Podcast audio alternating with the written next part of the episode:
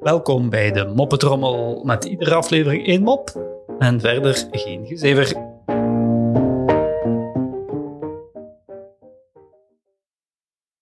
Drie mannen in een auto worden tegengehouden aan de wegversperring. Een agent stapt op en af. De chauffeur draait zijn raampje naar beneden en vraagt wat er aan de hand is. "Eh, we zijn op zoek naar drie serieverkrachters, zegt de agent, en we... Maar voor de agent kan uitspreken, draait chauffeur het raampje meteen weer dicht en begint een duidelijk verhitte discussie met zijn passagiers.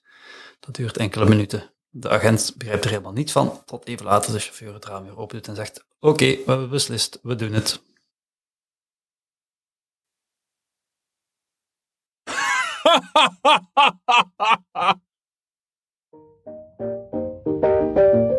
Zo, dat was de moppetrommel voor vandaag. En tot morgen.